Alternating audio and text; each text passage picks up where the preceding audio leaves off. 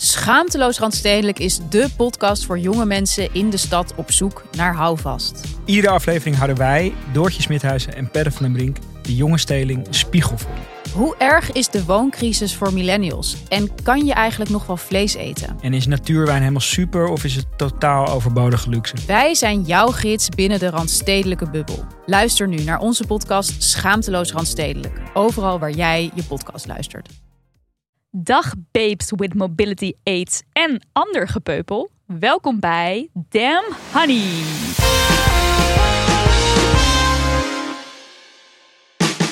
De podcast over shit waar je als vrouw van deze tijd mee moet dealen. Mijn naam is Nidia En ik ben Marilotte. en dit is aflevering 167. En vandaag de gast is Anaïs van Ertvelde.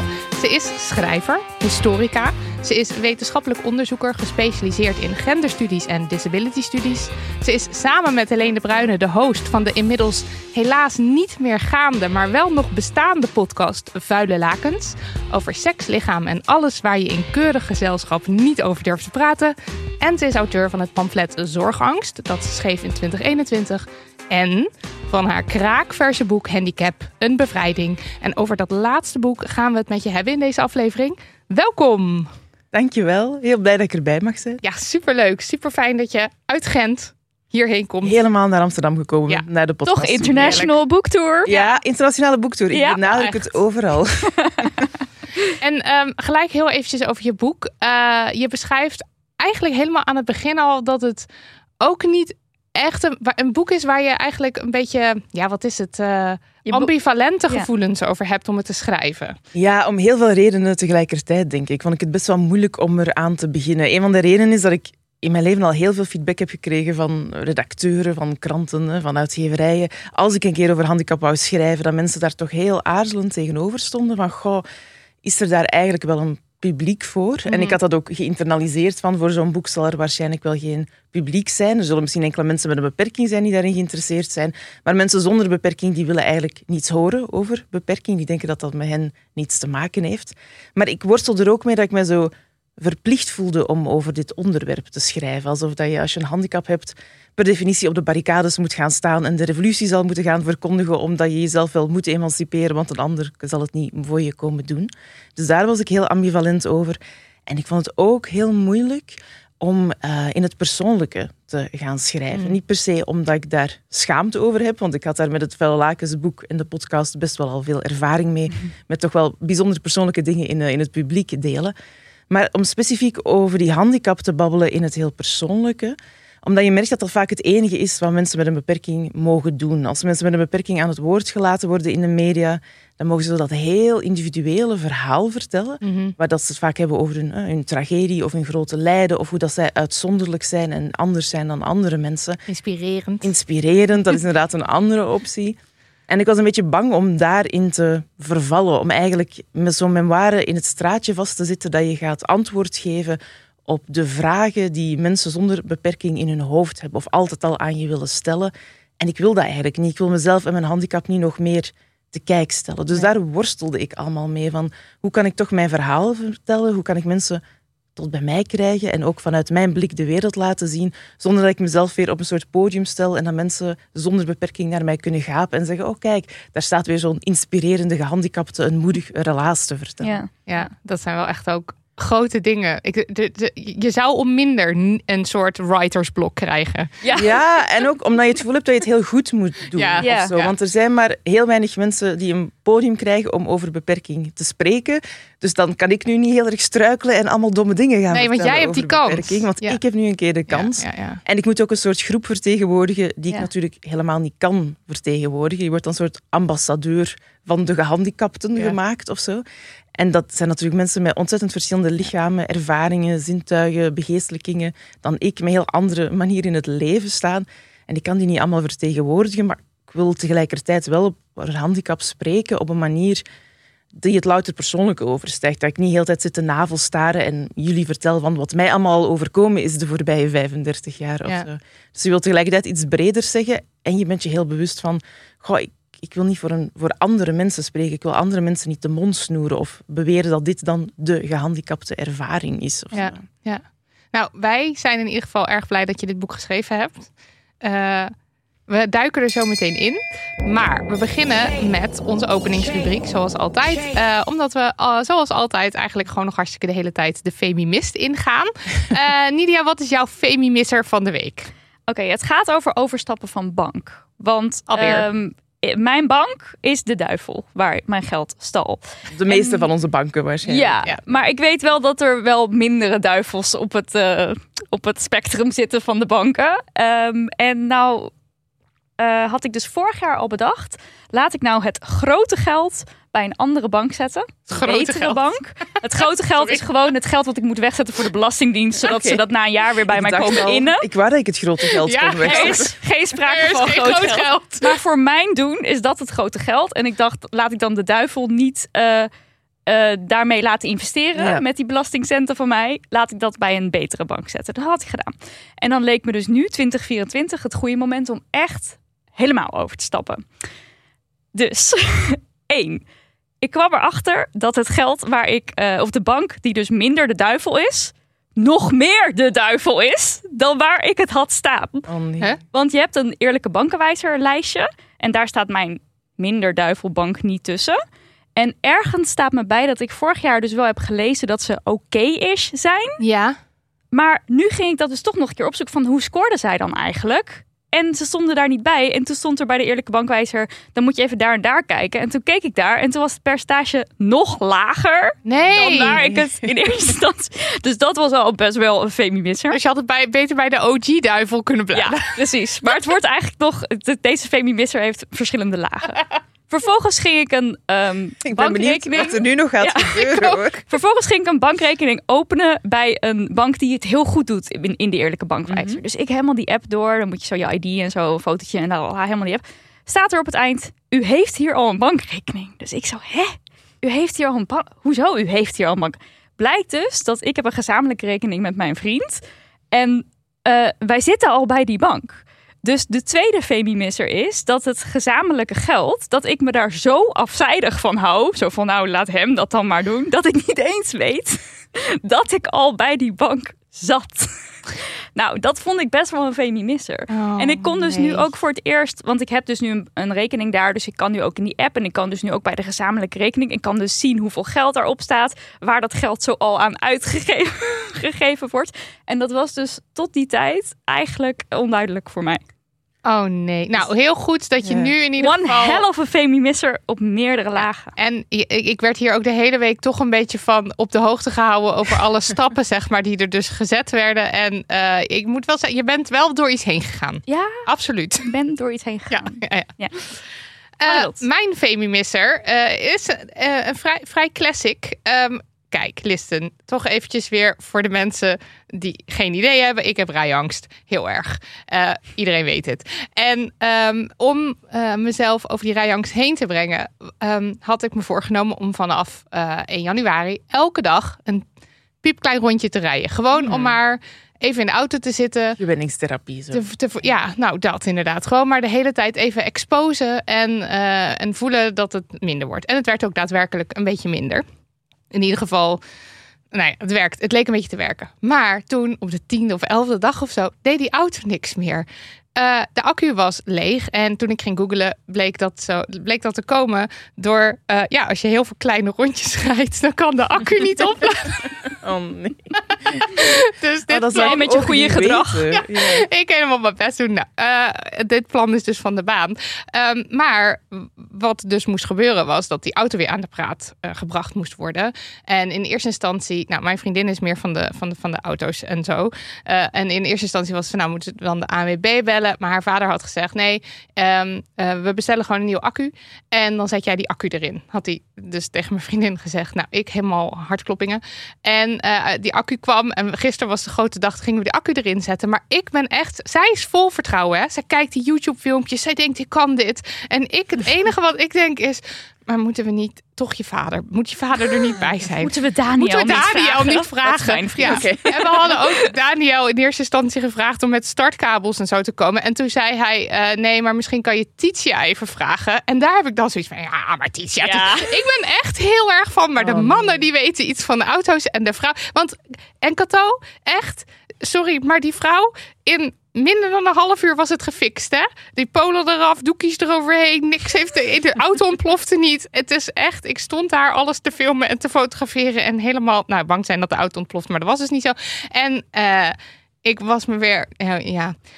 In ieder geval weet ik nu waar de accu zit van een uh, Volkswagen Golf. En dat is ook leuk. Nog een stap vooruit. Dat is ook een van de dingen die ik mij het meest beklaag van mijn opvoeding. Ik ben nogthans vrij wars van genderstereotypen opgevoed. Maar mijn broer heeft echt perfect leren klussen van mijn vader. Oh, en mooi leren koken van mijn moeder. Ik kan perfect koken, maar ik heb helemaal niet leren ja. klussen. Ik zou er ook zo met zwetende polletjes bij staan. Ja. Maar wat moet ik doen? Ja, ja, ja. ja. Oh, oh. Nou, ik voel me wel iets meer... Um de auto heeft iets minder geheimen voor me weer. Dat is fijn. En heb jij nog een femimisser, Annelies? Ik heb er heel veel eigenlijk, bedacht ik. Kom maar door. Kom maar door met de lijst. Perkamentrol. Hier gaan we. Uh, ik ben natuurlijk heel veel op de foto gemoeten de voorbije twee weken. Want mijn boek komt uit en daar horen dan interviews bij. En dan moet je ook op de foto gaan staan. En dat was eigenlijk heel lang geleden. Want ik heb ja, drie jaar bijna een burn-out gehad. Waarbij ik niet in het boekje stond en op foto's kwam. En eigenlijk ook heel afwezig was op sociale media. En dat eigenlijk ook heel prettig vond om hmm. mezelf niet voortdurend gespiegeld te moeten zien. Uh, ik liep liever alleen door het bos en keek dan eens in een meertje en daar zag ik mijn reflectie dan in of zo. Maar dat volstond dan wel. En opeens moest ik weer er staan en dan heb je toch zo het gevoel van ik moet er dan goed uitzien of zo voor op die foto. Ik wil dan niet dat mensen denken dat ik nog altijd heel erg in die burn-out zit en er dan heel oh, slecht uitzie. Uh, dus ik merkte dat ik daar opeens heel erg mee bezig was. Van dan toch elke dag mijn haar gaan krullen en dan toch elke dag make-up aandoen en zo. Uh, en op zichzelf vind ik dat ook wel leuk, maar ik voelde zo die verplichting mm. er wat insluipen. En ik merkte ook, ik heb heel veel kinhaar. Ik heb zo'n een, een vriend die al twee jaar testosteron doet en die is altijd jaloers op hoeveel baard en snor ik heb zonder ooit in de buurt van testosteron geweest te zijn. Uh, maar ik zelf vind het dat ook altijd moeilijk en dan merk ik dat ik dat er toch aan het afhalen was. Want er mm. komen dan foto's en dan wil ik daar dan misschien toch niet met zo lang blond haar aan mijn kin op staan. En ik kan dat voor mezelf zo niet echt goed praten waarom ik dat doe. Ik heb niet een mooie uitleg klaarstaan van, god, daarom doe ik dat dan. Dat is toch echt wel van, ja, dat is dan maatschappelijk wenselijker ja. of zo. En ik merk ook dat ik mij ook een beetje die verplichting voel van er zo goed op de foto te staan, omdat ik zelf dik ben. En dat je dan weet dat er voor heel veel mensen die associatie is. Als je als dunne persoon ergens binnenkomt met warrig haar en een groot los t-shirt aan, dan zie je er cool en heel ja, en style. Ja. En als dik persoon krijg je dan toch vaak zo dat stigma van oh, wat, wat een sloddervos. Die zit mm. waarschijnlijk heel de dagen depressief in een groot t-shirt op de bank chips te eten. Um, dus ik merkte dat ik daar zo ook die druk van voelde. Ja, dan moet ik mm. wel toch een, nog een beetje extra mijn best doen. En er toch een beetje beter uitzien. En ik baalde daar wel wat van. Mm. Maar ik raakte er ook niet van los of zo. Dus ik zit hier ook weer mooi gesminkt met mijn chic blue aan. Ja, prachtig. Ja, je, je, ziet er geweldig uit. Kan niet anders zeggen. Maar god, ja, ja, die, ja. ja, ja, ik, eh, herkenbaar. Kan niet anders dat is echt, ja, eh, ik loop er ook regelmatig tegenaan. Ik doe hem niet meer in de Femi-misser, want ja. Je bent het al zo de mensen kennen het nu wel. Daar gaan we weer. Tijd voor post. Tijd voor post. Voor post. Oké, okay, uh, eh, lees jij je maar eens eventjes uh, voor. Lieve, lieve Hannies. Mevrouwtje. Ik was al begonnen ja. met lezen. Lieve, lieve Hannies. Allereerst, super fijn dat jullie deze geweldige, o zo nodige podcast maken. Ik leer en lach iedere week weer. Veel dank daarvoor. Dan een verzoek. Zouden jullie een keer tijdens een aflevering aandacht willen besteden aan maagdelijkheid, tussen aanhalings, aanhalingstekens, op latere leeftijd? Het is iets waar ik zelf nogal mee worstel op feminisserige wijze. Hm. Ik ben zelf 33, panseksueel en heb nog nooit seks gehad met een penisdrager. Niet live, althans. Wel met een cisvrouw, maar toch, femimisser, voel ik me een enorme maagd en daarmee een enorme outsider. Iedere keer als ik gevoelens krijg voor iemand met een penis, komt de schaamte hierover naar boven. Wat ook niet helpt, is dat ik sowieso weinig datingervaring heb en daardoor het gevoel heb dat maagd op mijn voorhoofd geschreven staat wanneer ik moves probeer te maken. Van Google kan ik weinig fijne informatie vinden over dit onderwerp. De artikelen zijn veelal gericht op jongere maagden, betreffen mannen of zijn wel heel brief aan Defensie van toon. Defensie is een tijdschrift voor meiden uit de Zero's, eh, dus niet de krijgsmacht. Ik weet nee, wat. ik ben helemaal, ik ben helemaal mee. Ja, jij komt dat, uit 88, uh, dus ja. jij bent helemaal... Waar onze jonge luisteraars denken, waarom zou je een brief aan het leger sturen? Ik dacht dat je dacht, die Vlaming kent Defensie niet, maar Defensie kwam tot in Vlaanderen hoor. Ja, ja, ja. Vooral de Vrije en jij uiteraard werd daar uh, druk gelezen. Oh my god. Ik mocht nog een keer Defensie helpen maken. Dat had ik toen gewonnen en dat was echt droom. mijn droom. Dat Ja, was dat kan ik echt Wat is dat droom. voor... Ja, ja, jij wilde altijd al in de tijdschrift. Nou, Oké, en door. Hoe zien jullie maagdelijkheid en ervaring? Vinden jullie maagdelijkheid überhaupt een belangrijk concept? En hebben jullie tips voor degenen die ongewenst ongepenetreerd zijn en zich daarvoor schamen? Liefst en alvast bedankt voor jullie reactie, maagdje. Ja. Anaïs, jij was host van een podcast over seks. Ja, ik moet hier nu een antwoord op ook dat boek. Ik, heb, eh, ik heb alleszins wel twee tips eh, bij. En het zijn eigenlijk twee, eh, een kijktip en een leestip. Eh, bij de leestip ga ik mijn eigen boek pluggen. Want Tuurlijk, in het ja. Lakensboek staat er namelijk een hoofdstuk over maagdelijkheid. Dat ik geschreven heb. En waarbij ik met een heel kritische lens ook ga kijken naar heel dat concept dat maagdelijkheid e- eigenlijk is. En waar we daar ook eh, ja, eigenlijk op uitkomen dat we het woord maagd en maagdelijkheid misschien beter niet gebruiken, omdat het zo'n zwaar beladen geschiedenis heeft. En wat ook een beetje eh, naar voren wordt geschoven als een soort biologisch concept, terwijl het eigenlijk een puur cultureel concept is. En maagdelijkheid is niet iets dat je op of in het lichaam van iemand met een vagina kan lezen. En het idee van maagdelijkheid draagt dat in zich mee, dat dat een soort ja, een overgang is van de, de maagdelijkheid, de staat voor de penetratie en de staat na de penetratie. En daar spring je door een soort hoepel en daar kom je dan als een helemaal ander persoon Ja. uit. Dat en nog heel veel meer wordt beschreven in dat hoofdstuk. Dus misschien dat, hoe heet de. Maartje? Maartje, Misschien ja. dat. Maartje daar wel iets aan heeft aan dat hoofdstuk. En op de eh, Belgische tv, langs de Vlaamse tv, is er sinds een tijdje een, hoofd, een, eh, een, ehm, een programma dat de Maagdenclub heet. Oh. Eh, en dat wordt gemaakt eh, door een vrouw, denk ik, assuming gender, ehm, die eh, op denk in, een jaar, in een jaar of dertig is en die ook nog altijd maagd is en die op verkenning gaat in de wereld van maagdelijkheid, ook al gebruik ik die term zelf niet zo graag. Ik heb het nog niet gezien, dus ik weet niet of het goed in elkaar zit, maar ik kan me voorstellen dat het wel interessant kan zijn voor Maartje om er een keer naar te kijken, want het gaat ook heel specifiek over mensen die in hun dertiger jaren zijn en maagd zijn en dat zijn er natuurlijk heel veel meer dan wij denken, want je hebt soms het idee dat iedereen op zijn 17 ontmaagd is of zo, en dat is eigenlijk helemaal niet. Je ziet in cijfers voor zover ik me herinner vanuit mijn vuile lakenstijd, zie je dat de mensen steeds later voor de eerste keer seks hebben. En Dat dat nu zelfs gestegen is van 17 naar 18, en nog een beetje 18,6 of zo. En dat er ook best wel veel mensen zijn die op latere leeftijd nog geen seks hebben. Ik denk rond de 25 is het nog altijd iets van een vierde van de meisjes. En eh, het is dan altijd heel binair. En een derde van de jongens eh, in dat onderzoek hebben nog nooit seks gehad. Dus, en zelfs rond de 30 is er denk ik nog altijd een 10% van de mensen die nog nooit seks hebben gehad. Dus ja, 10% van de Nog bevolking. steeds heel veel. Dat is best een heel grote Ja. groep in de samenleving. Ehm, dus zo'n uitzonderingspositie is het eigenlijk niet. Terwijl je dat gevoel natuurlijk wel krijgt. Als je jezelf niet gereflecteerd ziet in media of in boeken of in literatuur, heb je het idee van ik ben hier de enige Ja. die nog nooit penetratieve seks heeft gehad. Want dat is natuurlijk ook de grote vraag die maagdelijkheid altijd oproept. Van wat is seks eigenlijk? Ja. I know. Om maagdelijkheid te definiëren moet je gaan definiëren wat seks is. En dat is veel ingewikkelder dan we misschien denken dat het Ja, Ik vind dat ook altijd. eh, Wij hebben dat een paar keer gehad nu op scholen. Dat je dan gaat doorvragen wat, eh, wat jongeren, wat kinderen dan seks vinden. En dan, en dan hebben ze het dus echt over penetratie. En dan zeg ik: Oké, maar ik heb een vriendin. En heb ik dan. eh, nog nooit seks heb ik dan gehad. heb, geen ik, heb ik dan geen seks? Nee, dan zie je ze zo helemaal zo. Ja. Zie je ze ingewikkeld. helemaal moeilijk doen. En, eh, en, want ze vinden het ook niet niet seks, maar het is ook niet wel seks. En het is. eh, en ehm, het, het hele maagdelijkheid, maagdverhaal is natuurlijk ook. Ja, jij schrijft in je boek ook over scripts. En dat we gewoon heel erg houden van al die, van die vaste, vaste dingen of zo. Dat is met maagd zijn natuurlijk ook. Dat, dat, dat je volgens bepaalde regels op een bepaalde leeftijd. Moet je dan uiteindelijk door een penis gepenetreerd worden. En dan, dan, dan zou het kloppen of zo. Maar dat, ja, voor Ja. mij mag dat hele begrip echt de prullenbak in. Ja. Ik zie mezelf ook nog zo zitten op, die, op de fiets, zeg maar, toen ik voor de eerste keer penis gepenetreerd was. En dat ik echt dacht, oké, dan gaat het nu beginnen. En toen gebeurde er dus Nee. 2,5 jaar helemaal niks op seksgebied. of wat getong en gefriemel na. En, eh, en, en in totaal heb ik dus twee penis-penetratieervaringen. De tweede keer was helemaal een drama. Want toen... ehm, ik wil dit gewoon graag vertellen en dit leek me leuk. Je zocht een opening. Ja, hebt precies. ik wil Nu heel graag dit verhaal vertellen. Ik zocht het al. Eh, ik heb het nog nooit verteld, toch? Nee.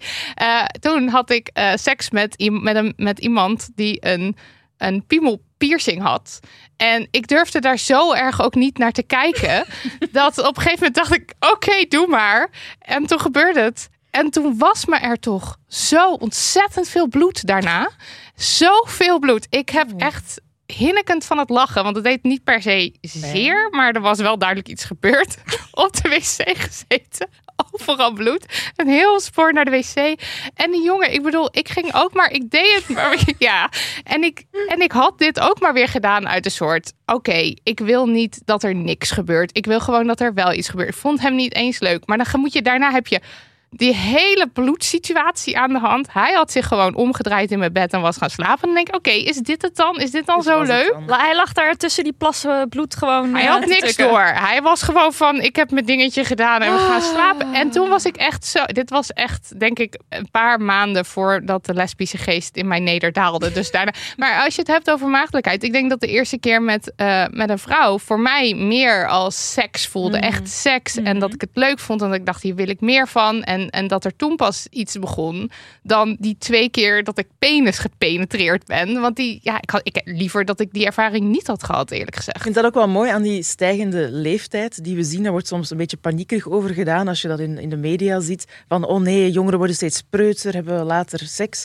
Maar ik heb ook eens een seksuologe, ik weet nu niet meer wie, een andere uitleg daaraan zien geven. Namelijk, jongeren zijn veel zelfzekerder over wat ze willen in hun seksualiteit, zijn daar veel communicatiever over en zijn veel minder geneigd om ja te zeggen op seks waar ze eigenlijk geen zin in hebben. Kijk, Dus dat een beetje zoals jij Ja. nu beschrijft, van, ja, ik, moet, ik moet wel iets of zo. Ik ben Ja. nu al zo oud, laat ik het dan maar een keer proberen Ja. en anders gebeurt er toch niks. Dat dus jongen blijkbaar weerbaarder zijn om te zeggen, ja, dan hoeft het ook niet voor mij. En dan wacht ik wel tot ik iets tegenkom waar ik echt zin in heb om te doen of zo. En dat is dus. En kijk, de- ik denk ook, want in de brief staat, eh, staan eigenlijk twee dingen. Namelijk het hele het, het, het maagdendeel en het deel dat ze ongewenst penis gepenetreerd is. En dat is, het zijn natuurlijk twee losse Ongewenst, dingen. ongepenis Oh gepenetreerd. ja, onge- Ja. nee, niet wacht. Ja, ongewenst, ongepenetreerd eigenlijk Ja. door een penis. Ja. En eh, dat, dat is natuurlijk iets anders, want dat je er nieuwsgierig naar bent en die ervaring wel wilt hebben. Ja, kijk, dat je een, een wensenlijstje hebt met dit lijkt me nog leuk om een keer te doen. Dat Tuurlijk. is natuurlijk hartstikke aan te moedigen. Ja, maar het gaat, Maar om de schaamte, daaromheen. Dat is gewoon jammer. En dat, dat, dat is denk ik omdat we dat hele maagdelijkheidsverhaal hebben. Dat het is gewoon jammer. Dat moet de prullenbak in. Ophoepelen. Gewoon, gewoon. De, mensen, kinderen, jongeren, de 33-jarigen, iedereen zou aangemoedigd moeten worden om gewoon te doen wat ze leuk lijkt en waar ze zin in hebben en de- waar je nieuwsgierig naar bent. En ik denk dat die ingang van die sociale script waar je dat over hebt ook, en dat- waar ik het in het boek veel over heb, dat dat ook eh, een hele goede is. Hè. Wat dat ze crip time noemen in de, de disability studies.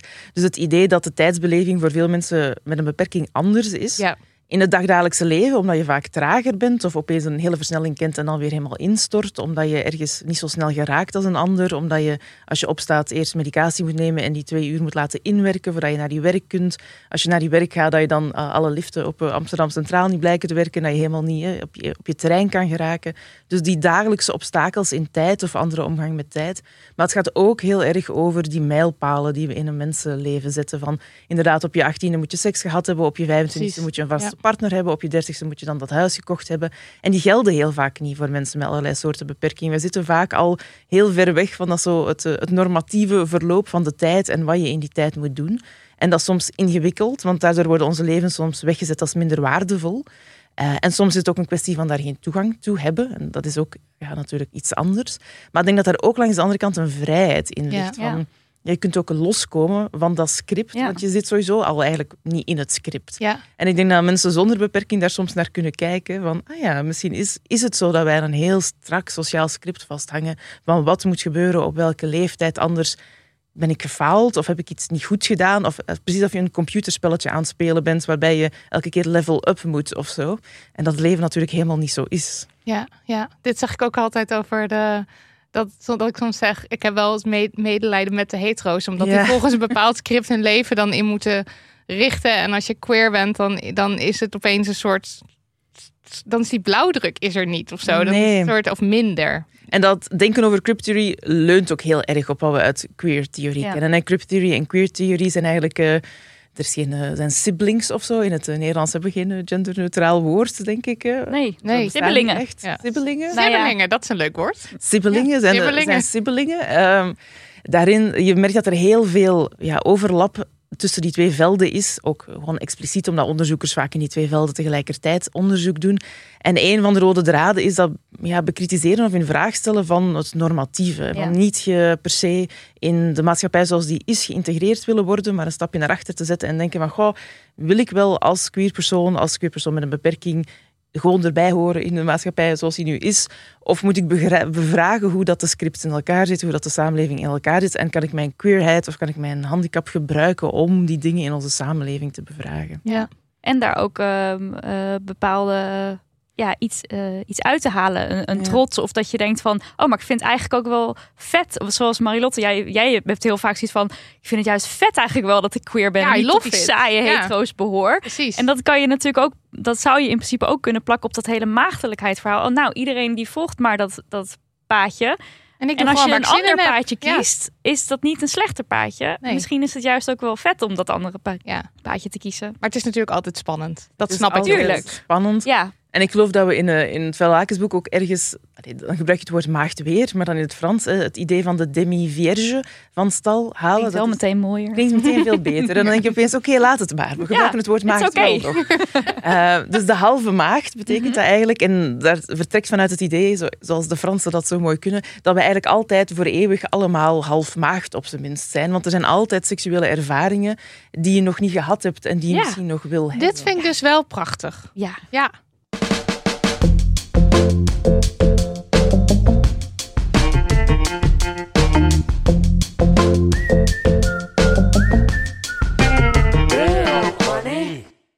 We moeten het even hebben over een handicap hebben. Anaïs werd geboren met een korte rechter onderarm. Voor haar hartstikke vanzelfsprekend, maar toen kwam de wereld om de hoek kijken. Wat heb jij? Vragen de mensen. Zomaar mensen, mensen waar je heel niks mee te maken hebt. En jaarlijks volgde er een keuring. Was de handicap nog wel aanwezig? Het antwoord was ja. hoe kijkt de wereld naar gehandicapten? Mogen ze er zijn en zo ja, hoe dan? Anaïs geeft het persoonlijke en tegelijkertijd maatschappij kritische relaas handicap een bevrijding en onderzoekt daarin hoe handicap onze blik op kunst, seks, werk, intimiteit, burn-out, burgerschap, verzet en op wie we zelf zijn beïnvloedt. Ehm Anaïs, eerst heel even over taal. Ehm, want je kunt, je kunt spreken van een handicap, Mhm. eh, van een beperking. Eh, op wc's zien we soms ook nog wel eens het woord minder valide staan. Ja, vooral in Nederland is dat de, de Ja. ding. ja is dat in België Ja? niet meer? Minder toch hoor. Daar Ja. weten ze al van dat is niet dat kan niet. Ja. Of is dat een, gewoon een ander woord Ik wat weet, ze gebruiken? ik weet niet of dat, hoe dat, dat historisch gegroeid is, dat weet ik niet. Maar Ja. je ziet het in Nederland wel veel vaker. Toen Ja. ik het hier vaker kwam, dacht ik, oh ja, dat zie je bij ons eigenlijk niet meer. En je hoort het mensen ook nog wel vrij vaak zeggen, Mhm. vind ik. Het valt me op. Je hebt het idee dat heel veel mensen niet weten wat er mis mee is. Nee, ja, wat is er terwijl- mis mee? Ja. Wat is er mis mee? Wat is er mis mee? Ja. Wel, in de eerste zin ben ik... eh, ik zie mezelf zo in de eerste plaats als historicus. En vanuit die positie ben ik niet zozeer iemand die heel erg gaat opleggen van... Je mag mis. dit woord Ja. niet gebruiken, je moet dit woord niet gebruiken. Ik vind het dan interessanter om mensen te vertellen van waar komen bepaalde woorden vandaan, in welke historische context zijn die woorden ontstaan en welke beladenheid hebben die woorden daarom. hè. Binnen welke visie op handicap is er voor dat soort woord gekozen. Dus je zou mij zelden horen zeggen, allee, ik zou nu heel blij zijn als jullie mij als de minder valide aan zouden kondigen, omdat dat woord zelf natuurlijk inhoudt hè, dat je minder waard bent. Ja. Dus dat is hè, geen aanrader. Hetzelfde met invalide, dat je niks waard bent. Maar voor de rest heb ik geen heel sterke gevoelens als het over mezelf gaat. Van, kondig je mij als persoon met een handicap aan, persoon met een beperking, gehandicapte, is voor mij eigenlijk allemaal best wel oké. En je hebt daarin best wel wat onderscheid. De laatste jaren is wat dat ze eh, person-first language noemen steeds eh, prevalenter geworden. Dat betekent dat je persoon met een handicap of persoon met een beperking zegt in plaats van gehandicapte of beperkte. En ik voer ook geen pleidooi in het boek van die term moet dan op de schop of zo. Eh, want ik denk dat die wisseldans van termen, dat, dat, dat sowieso al iets wil zeggen. Namelijk dat we als samenleving aan het zoeken zijn naar, goh, wat vinden we van die groep? En welke plek geven we die? En wat, wat betekent het dan om tot die groep te behoren? Dus het feit dat we voortdurend nieuwe termen hebben en daar andere termen voor zoeken, betekent dat, we- dat we als samenleving nog eigenlijk niet goed weten van, ja, wat, wat willen we hier nu mee met die mensen? Ehm, en die, ja, een, een van die pogingen is dan die person-first language. En het idee daarachter is van dat je de mens centraal stelt en dat je de handicap laat zien als onderdeel van de persoon met de beperking, niet als iets wat heel die identiteit overneemt. En dat is hetgeen dat je ook het vaakst gebruikt zie worden in de media of in een politiek of een beleidstuk bijvoorbeeld. En dat is ook prima, denk ik, in die context. Er zijn ook mensen met een beperking die dat zelf veel prettiger vinden.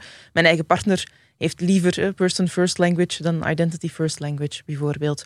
Maar er zijn ook heel wat activisten die veel meer van die uh, identity first language zijn, die, uh, ja, dat, je, dat je gehandicapten zegt. En ik vind dat zelf eigenlijk ook wel prettig, dat je wel die handicap op de eerste plek zet en die inderdaad uh, trots uitdraagt. Zoals je ook eh, ja, niet zou zeggen van ja, ik ben inderdaad een persoon met vrouwelijke geslachtskenmerken of ik ben een persoon die ook wel met vrouwen slaapt en ook met anderen. Dan wordt het allemaal heel ingewikkeld. In mijn hoofd is het ook altijd moeilijker om een soort emancipatiebeweging daar dan achter te scharen. Als het woord zelf al zo voorzichtig moet zijn om mm. aan te raken waar het eigenlijk over gaat.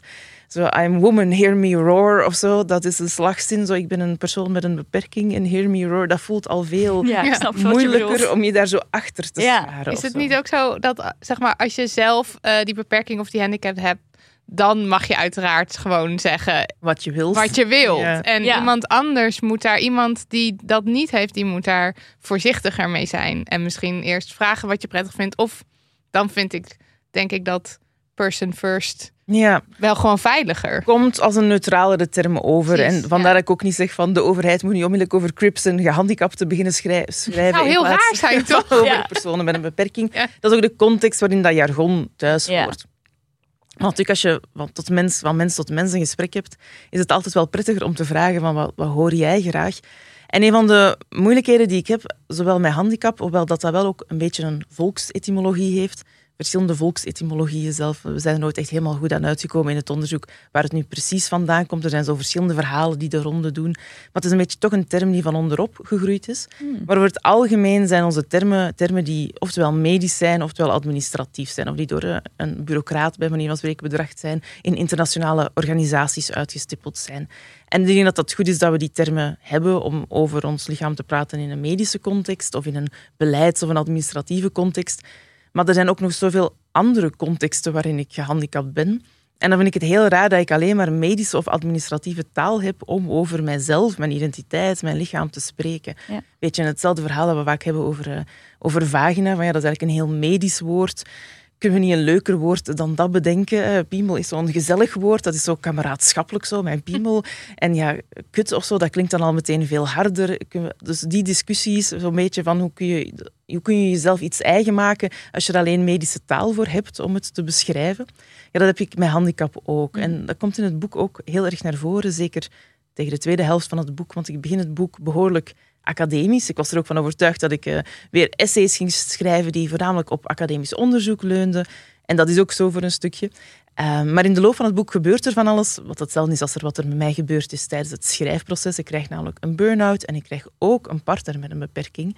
En ik kom zeker met die partner met een beperking, bots ik zo op de limieten van wat kan ik maar zeggen over mij en over mijn lichaam en over het lichaam van mijn partner als ik alleen maar de taal van een dokter heb om onze lichamen te beschrijven in zo'n verliefde, poëtische, erotische context, welke taal heb ik dan om over ons te spreken? Ja, en die taal heb je nooit meegekregen? Nee, die vond ik ook nergens. Dus ik heb zelf dan een beetje gezocht naar ja, hoe kunnen wij elkaars lichaam dan beschrijven zonder dan in neologisme te vervallen, want dat wordt soms ook wel heel snel suffig of zo, van dat je dan zo woorden gaat verzinnen of zo.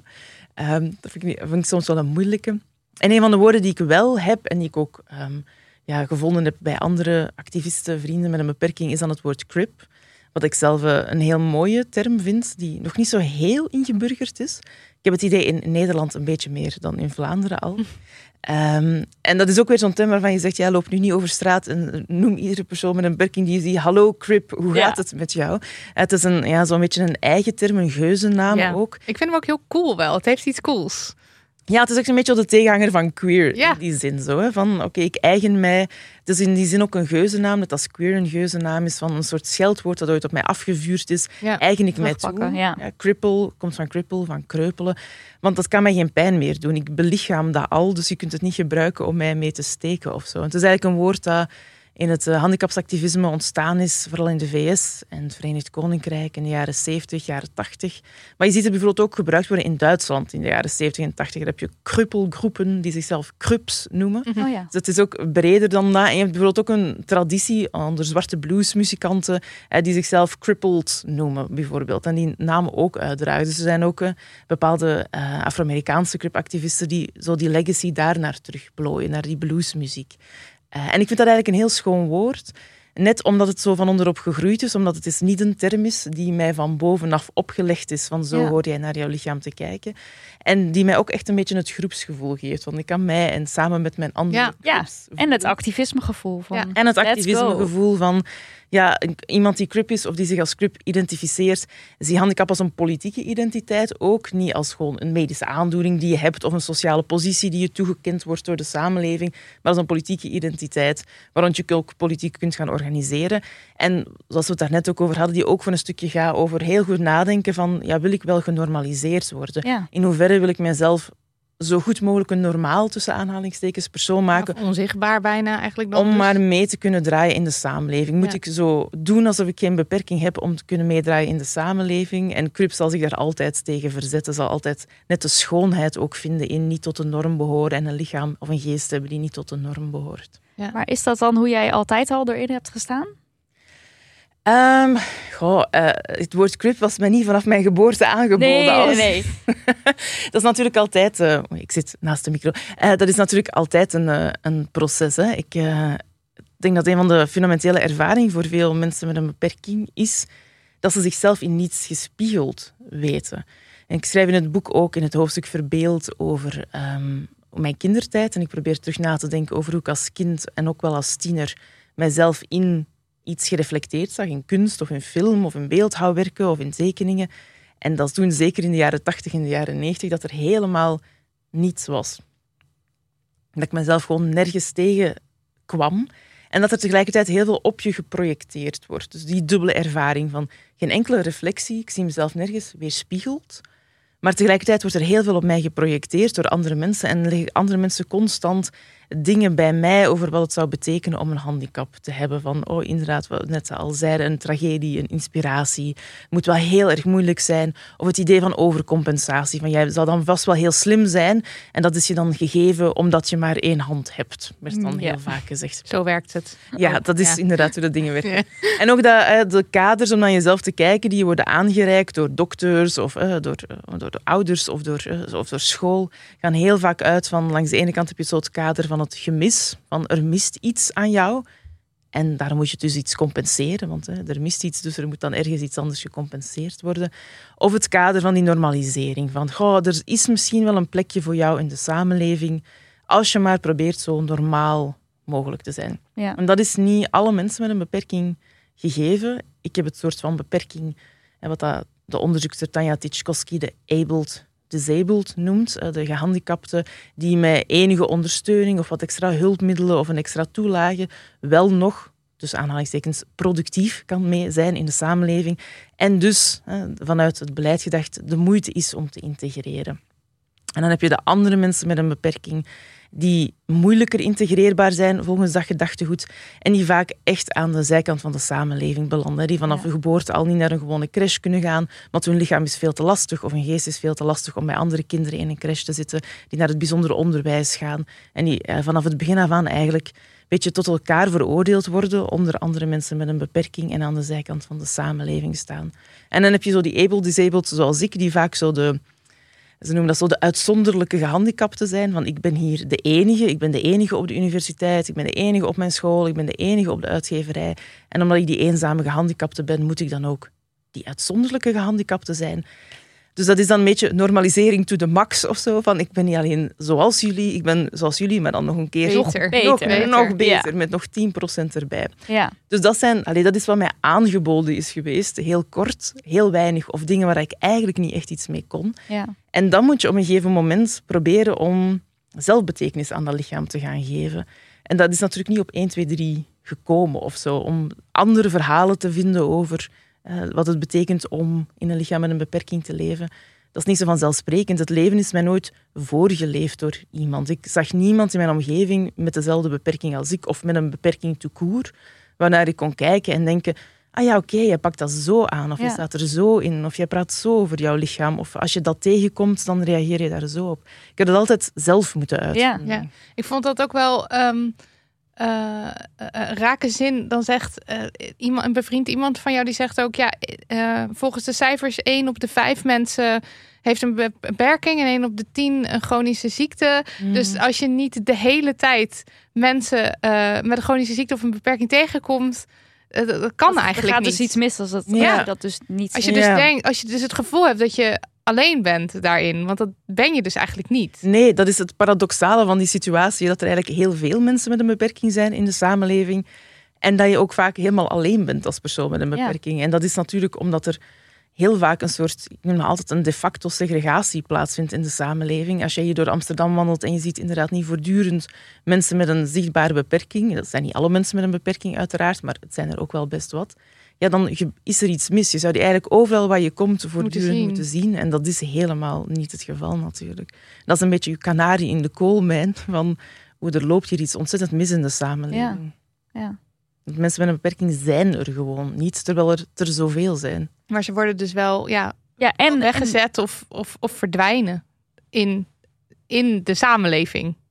Ja, door allee, die segregatie, zoals ik die net al beschreef, dat je van kleins af aan apart wordt gezet aan een aparte school, een aparte werkplaats, maar ook gewoon door de toegankelijkheid van de samenleving. Ja. En als je hier in Amsterdam in het centrum wil zijn, ik ken Amsterdam iets minder goed dan de Vlaamse voorbeelden, maar ik vermoed dat veel van dezelfde dingen zullen gelden. Ja, dan worstel jij met liften die kapot zijn, met straatjes met kasseien, met ontoegankelijke horeca en ga zo maar door. Ja. En op den duur geef je het ook gewoon op om naar hier te komen. En blijf je dan maar thuis of zoek je dan maar op je internet je peers. Ehm, en een van de andere moeilijke dingen vind ik altijd is dat heel veel mensen die volgens die overheidsdefinities eigenlijk een beperking hebben, dus die, die 1 op 10 mensen met een chronische ziekte of 1 op 5 mensen met een beperking, zich eigenlijk helemaal niet identificeren als persoon met een beperking. Er is zo Engels onderzoek, eh, waarbij dat, eh, dat in de UK is nagekeken van mensen met een beperking volgens de definities eh, van de overheid daar. Meer, minder dan de helft daarvan ziet zichzelf als persoon met een beperking of zou zichzelf zo benoemen of zou zeggen, oh ja, ik ben gehandicapt of ik heb een handicap. Terwijl ze dat eigenlijk wel zijn. En ik vind dat wel heel inzichtvol. Ik denk dat er weinig andere minderheidsgroepen zijn waarbij je dat soort cijfers zou zien van de helft van de queer personen zegt niet dat ze queer zijn of misschien in bepaalde contexten niet, maar in andere contexten wel. Dus dan merk je hoeveel stigma er eigenlijk ja. aan die identiteit Want je wilt het niet zijn. Je Ja. wilt niet je wilde er niet bij gehandicapt horen zijn. bij die groep. Nee, Eh, het is ook gewoon helemaal niet sexy om erbij te horen. Of zo. Het is in de loop der jaren net iets sexier geworden om ik ben een feminist of ik ben queer of zo. Dat, dat kan je nog een bepaalde sociale status geven. Maar die als gehandicapt identificeren, doe je eigenlijk heel weinig voordeel mee, in mijn ervaring. En dat zie je ook wel in, eh, ja, in onderzoek, merk je dat bijvoorbeeld op de universiteit studenten vaak nog aan disability disclosure doen. Dus gaan zeggen van ik heb eigenlijk een beperking, ik heb extra ondersteuning nodig, omdat ze vaak ook effectief ondersteuning krijgen. Dus dan staat er iets tegenover die disclosure van ik heb, geen, ik heb een beperking, daar kan, daar kan ik stigma door ontmoeten, daar kan ik discriminatie door tegenkomen, maar ik krijg ook hulp en ondersteuning. Dus dan is er een soort afweging van, goh, het heeft enige zin. Ja. Maar hoe verder je op die academische ladder komt, hoe minder ondersteuning je kan krijgen en hoe minder mensen met een beperking er ook zijn, maar ook de mensen met een beperking die er wel nog zijn, zullen veel minder geneigd zijn als PhD-student, als postdoc, als professor, om uit de kast te komen als persoon met een beperking, of Ja. om hulp te vragen, omdat het hen niks oplevert, behalve potentieel stigma en discriminatie. Ja. Dus Ja. waarom zou je het dan doen? Je bent ook de hele tijd aan het balanceren tussen is het nou wel, moet ik nou, moet ik hier nu de zielige gehandicapten uithangen? Want bijvoorbeeld als je gekeurd wordt, Ja. als je wel bijvoorbeeld eh, geld, dan moet je opeens weer zielig en, en hulpeloos zijn. En in een andere situatie moet je juist weer, mag je weer juist weer helemaal niet laten zien dat je wellicht hulp nodig hebt. Terwijl, weet je wel, eh, ja, mijn bril, dat vindt iedereen de normaalste Ja. zaak van de wereld. Ja, er heeft nog nooit iemand gedacht dat ik een fundamenteel ander soort persoon ben dan jij, omdat ik nee, een bril precies. draag. Ja, Maar met mijn hand is dat wel zo, terwijl ik misschien wel meer last heb van mijn ogen dan van mijn hand. Als ik zou mogen kiezen, ik zou het wel heel fijn vinden als ik het goed zicht had. Eh, maar ik zou nooit kiezen voor twee handen. oh ja, ja. Zo, op die manier. Dus, maar ja, de, ik denk dat dat zeker zo is. De hulp ehm, die mensen met een beperking krijgen, stigmatiseert. hè. Dat is een ander soort hulp, dat zetten we heel erg apart. Ehm, terwijl een bril vragen helemaal niet als stigmatiserend voelt, dat maakt je niet tot een ander soort persoon. Maar een wandelstok gebruiken maakt je dan wel Ja. een ander soort Ja. persoon. Ja, En het, het, het komt ook, dan kom je ook uit bij de vraag van wat is gehandicapt dan überhaupt? Zijn we niet allemaal in zekere zin gehandicapt? En, en je schrijft ook over tabs. Dat we eigenlijk eh, de mensen die nog niet gehandicapt zijn, die zijn temporarily able-bodied people. Want die worden uiteindelijk... Waarschijnlijk. niet, niet letterlijk iedereen, maar veel Nee. mensen zullen... zelf een, Een beperking krijgen. krijgen. Ja, Ja. in het in handicapsactivisme wordt er vaak, dat is ook wel een beetje tong in cheek hoor, gesproken in plaats van over de mensen met handicap en mensen zonder handicap, over de mensen met handicap en mensen met nog, Nog niet. geen Ja, handicap. precies. Ik Ja. vind dat echt briljant Ja. ook weer. Het is ook gewoon zo. Ja, als je het privilege hebt om oud te worden, is de kans dat je een vorm van handicap krijgt zo enorm groot. groot. Ja. Dus Ja. het is eigenlijk een ervaring die we allemaal eh, kennen, of dat ons allemaal te wachten staat, klinkt alsof een soort dreigement is. En zo bedoel ik het zeker niet. Eh, maar die onderdeel uitmaakt van het leven. Dat is het, ja. Zal het zo zeggen. En ik vind dat soms ook wel moeilijk, hè, want we hebben zo een definitie van handicap die heel erg gaat over een minderheidsgroep. Want dat is een soort groepje apart met een ander lichaam of een, die eh, neurodivers zijn of een ander soort geest hebben. En dan heb je de gewone mensen. Eh, en die minderheidsdefinitie van handicap, handicap klopt ook ergens, want ik word op een andere manier behandeld. Ik maak andere dingen mee dan jij. En jij hebt misschien ook ervaringen van gehandicapt zijn. Je hebt misschien weet ik wel, een burn-out gehad. Dat kun je ook zien als een, eh, als een ervaring van disablement, als tijdelijk gehandicapt zijn. Maar je wordt niet weggezet door de samenleving als iemand met een beperking. Jij moet niet als kind elk jaar naar de keuring Precies. om te zien of je nog een handicap hebt. Dus als persoon met een handicap krijg je een sociale positie toegewezen die niet iedereen toegewezen krijgt. En als je dan spreekt over handicap als een veel bredere categorie, loop je zo soms het gevaar van om te verzanden in mensen die zeggen, ja, ik heb mijn rechterarm ook eens gebroken, Het dus is, ja. ik Ja. weet hoe het is om eh, gehandicapt te zijn, want toen kon ik ook mijn Ja. veters niet goed strikken. En die ervaring van die handicap bestaat natuurlijk uit heel veel meer dan Ja, je veters tuurlijk. niet Ja. zo goed kunnen strikken of zo. Ja. Maar toch heb je bij het, bij het woord handicap wel het idee dat je weet wat het is. Maar als je er dus, nou ja, en als je jouw boek leest, Mhm. maar als je erover na gaat denken, dan is het niet, niet vast te pinnen wie er dan Nee. wel en wie er dan niet onder vallen. Ik probeer in een boek ook echt zo laagje per laagje af te pellen van wat is een handicap eigenlijk. In elk hoofdstuk komt dat zo weer terug en wordt die, definitie eigenlijk nog complexer. Eh, omdat we inderdaad een soort gezond verstand idee hebben van handicap. Oh ja, dat is dan iemand in een rolstoel of iemand die blind is.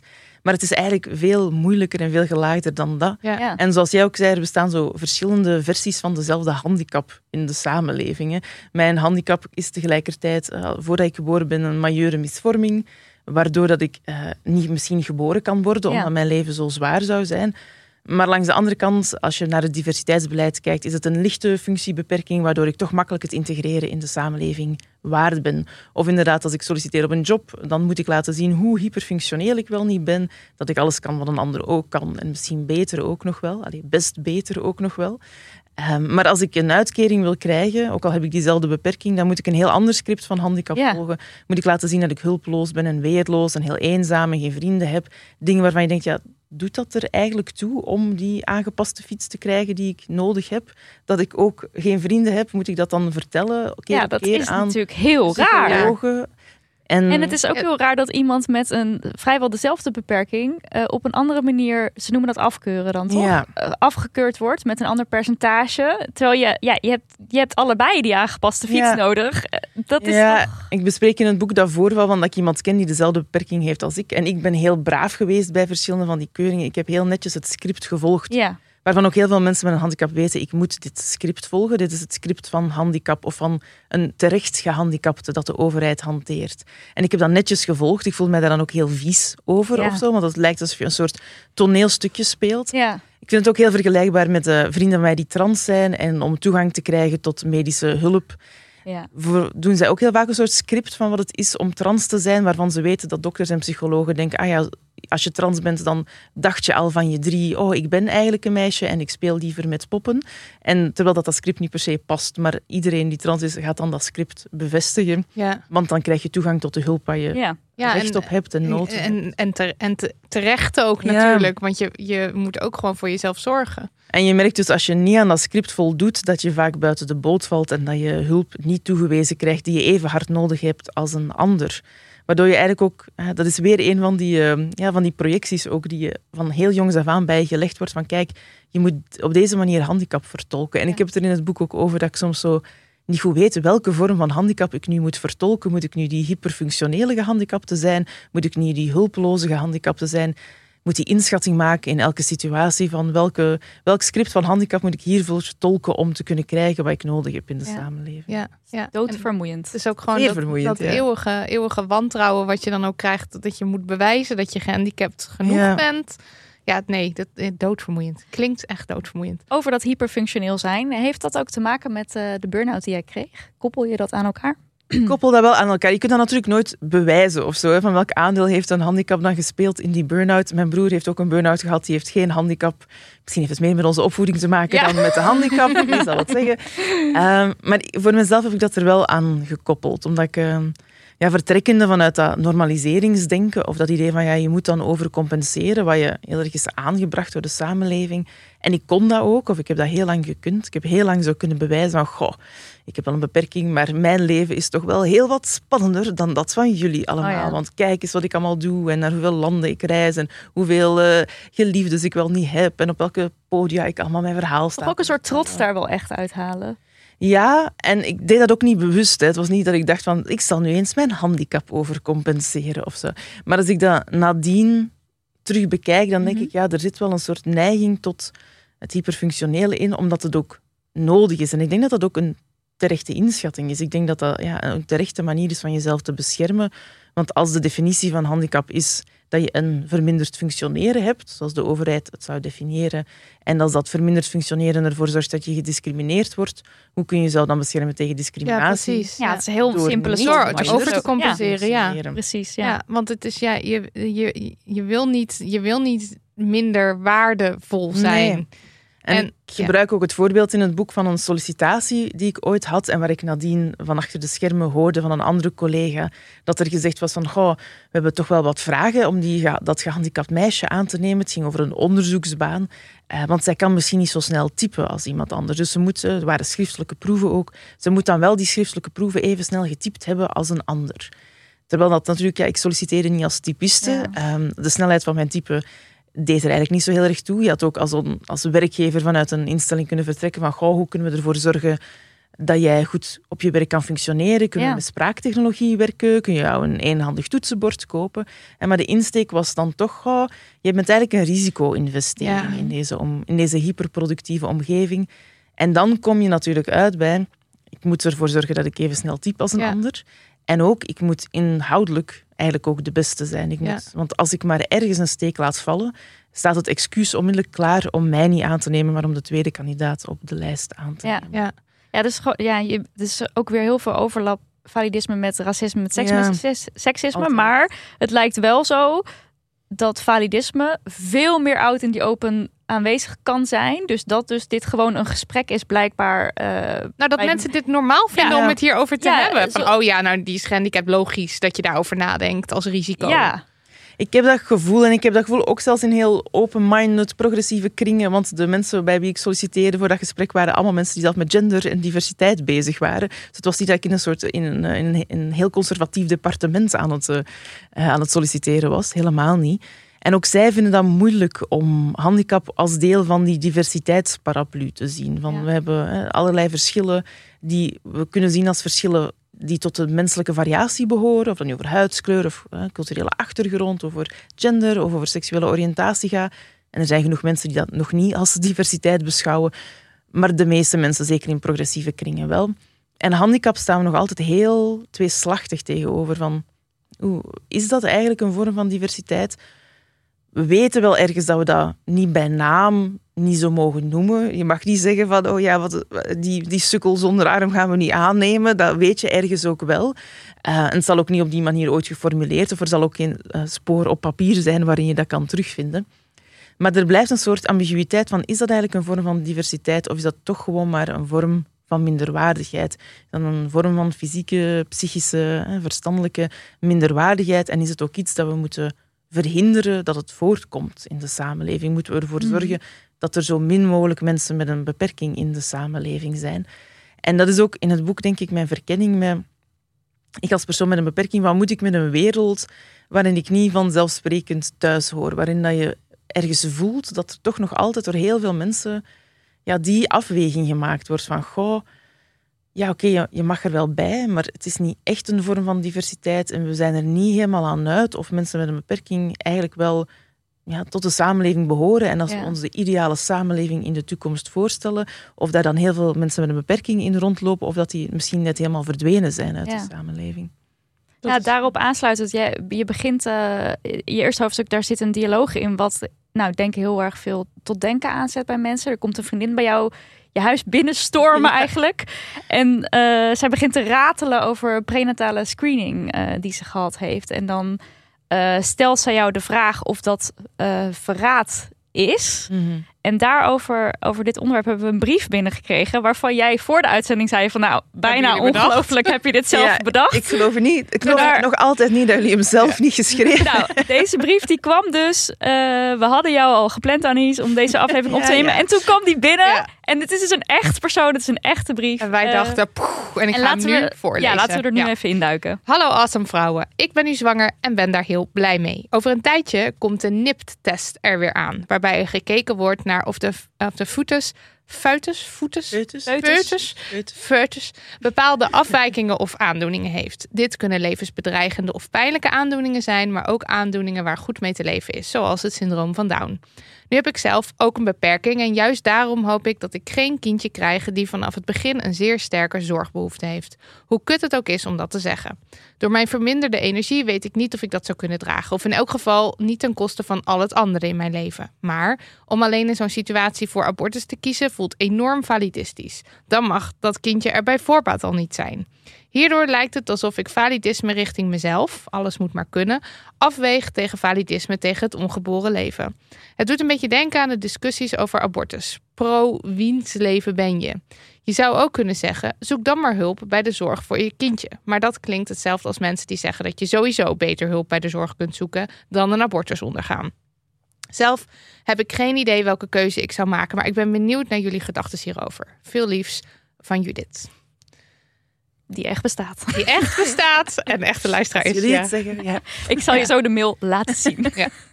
Ja, wow, maar deze brief die sluit zo aan op wat jij schrijft in het boek. Ja, echt eh, ongelooflijk. En ik ben eigenlijk ook heel blij dat die brief er is. Omdat dit wel gesprekken zijn waarvan ik vind dat we die in het feminisme veel te weinig hebben. Ja. En dat kaart ik ook aan in het boek. Hè. Wat dat we in het feminisme of in het westers feminisme vandaag de dag van een soort eh, eh, makkelijke pro-abortus houding aannemen. En selectieve abortus op foetussen met een beperking maakt daar dan deel van uit. Waardoor heel veel vrouwen met een beperking en andere mensen met een beperking die kinderen krijgen, zich daar ja, toch een beetje ambigu tegenover dat feminisme voelen. En dat zie je ook als je naar de geschiedenis van het feminisme gaat kijken. Zowel in, eh, in eind 19e, begin 20e eeuw, als je de eerste soort strijd voor reproductieve rechten ziet, eh, dan merk je dat eugenetische argumenten door feministen gehanteerd worden als een manier om eh, het recht op, reproductie, op eh, reproductieve rechten erdoor geduwd te krijgen. En Margaret Sanger, zo, de, de foundress van Planned Parenthood, die vaak naar voren wordt geschoven als een groot icoon van de eh, geboortebeperkingsbeweging. Ja, die heeft, als je dat opzoekt, die heeft echt zo artikels geschreven over de grootste dreiging voor eh, de westerse samenleving is de degeneratie van alle doven en imbecielen die zich allemaal maar aan het Oh. voortplanten zijn. Ja. En dat is een grote uitdaging voor onze tijd. En daarmee kunnen we mensen overtuigen dat vrouwen het recht moeten hebben om Op anticonceptie of op abortus. Ja. Want anders gaan al die mensen zich maar ongebreideld voortplanten. Eh, En iedereen die intelligent en fit is, die gaat zich veel minder voortplanten. En dan is het einde der tijden natuurlijk nabij. Dus we hebben die geschiedenis. En je ziet die geschiedenis ook in het eh, tweede golfsfeminisme van de jaren 60, jaren 70, jaren 80. Eh, Dagmar Herzog, dat is een Duitse historica, heeft er een heel mooi eh, boek over geschreven. Over eugenics in post-Nazi eh, Europe. En zij gaan net kijken naar hoe de feministen in die tijd het, het recht op abortus beargumenteerd hebben.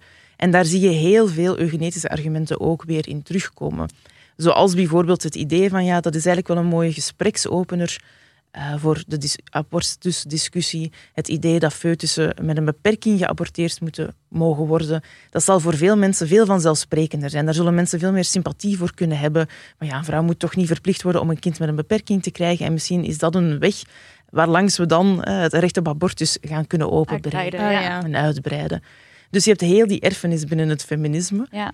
Ehm, en daar wordt eigenlijk vandaag de dag ook heel weinig over gesproken. Hè? Omdat als we nadenken over die selectieve vormen van abortus, dat er een heel grote angst heerst van ja, maar als je dat in het gesprek brengt, dan gaan we sowieso ergens op een plek eindigen waar dat er weer aan het recht op abortus gemorreld zal Ja. worden. Ja. En we zitten in een tijd waarin dat er wereldwijd al genoeg aan het recht op abortus gemorreld wordt. Dus laten we maar voorzichtig zijn en die discussie net niet aangaan. Maar als feminist met een beperking is dat voor mij heel ingewikkeld. Ja, En dat, dat, is voor, kan niet. ja, dat is voor heel veel feministes met een beperking heel ingewikkeld. Want langs de ene kant hè, ben ik een groot verdediger van het recht op abortus. En langs de andere kant ja, heb je het feit dat we selectieve abortus uitvoeren op foetussen met een beperking. En dat, we, dat eigenlijk het enige kenmerk is waarbij dat we dat doen.